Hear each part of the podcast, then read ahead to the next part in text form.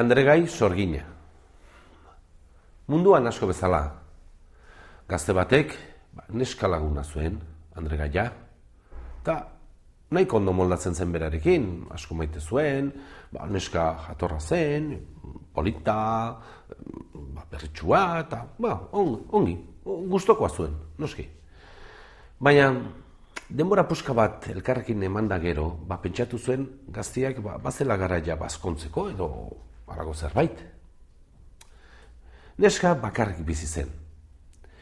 Eta egia san, mutilak etzekin gauza hundirik neska horren bizitzaren gainean.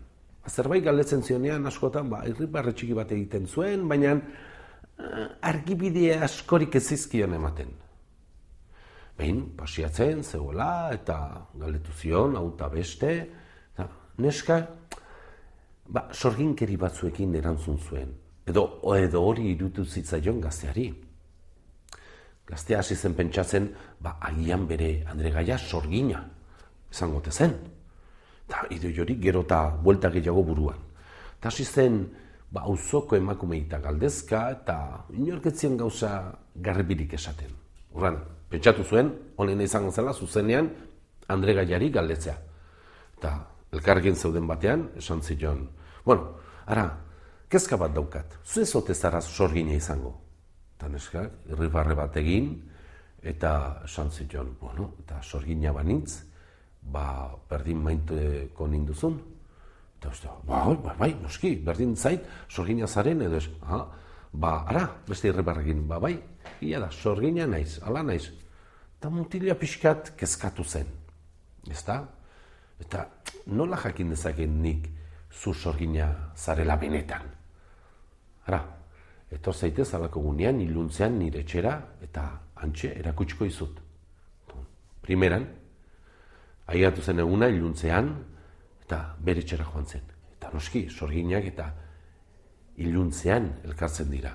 Joan zen bere txera eta bere gurasuak eta familiko denak, denak sorginak behitzien. Eta antxe, aiatu, eta santzien neskan. Ara, nahi bauzu benetan frogatu ni sorgina naizela, hemen egun pare batea, auzoko etxe batean, aur bat jaioko da. Eta jaio eta bereala, ni armi arma baten itxurarekin tetsutik bera jaisten hasiko naiz. Eta aurra ikutu orduko, aurra hil egingo da.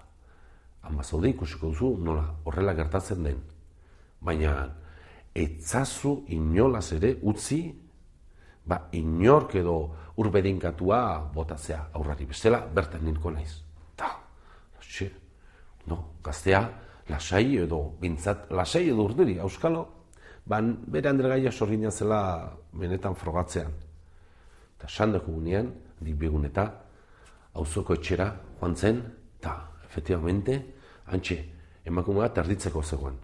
Eta santzien emakumei, ara, arraro egituko aizu ba, ni mutile izan da lako eskara bat egitea, baina erditze horretan egon behar dut. Eta besteak, bueno, zuten horrela hain ziur eta bueno, pasatzen utzi zietela. Sartu zen gaztia eta eskutan bazaukan alako botilatxo bat urbedeinkatuarekin.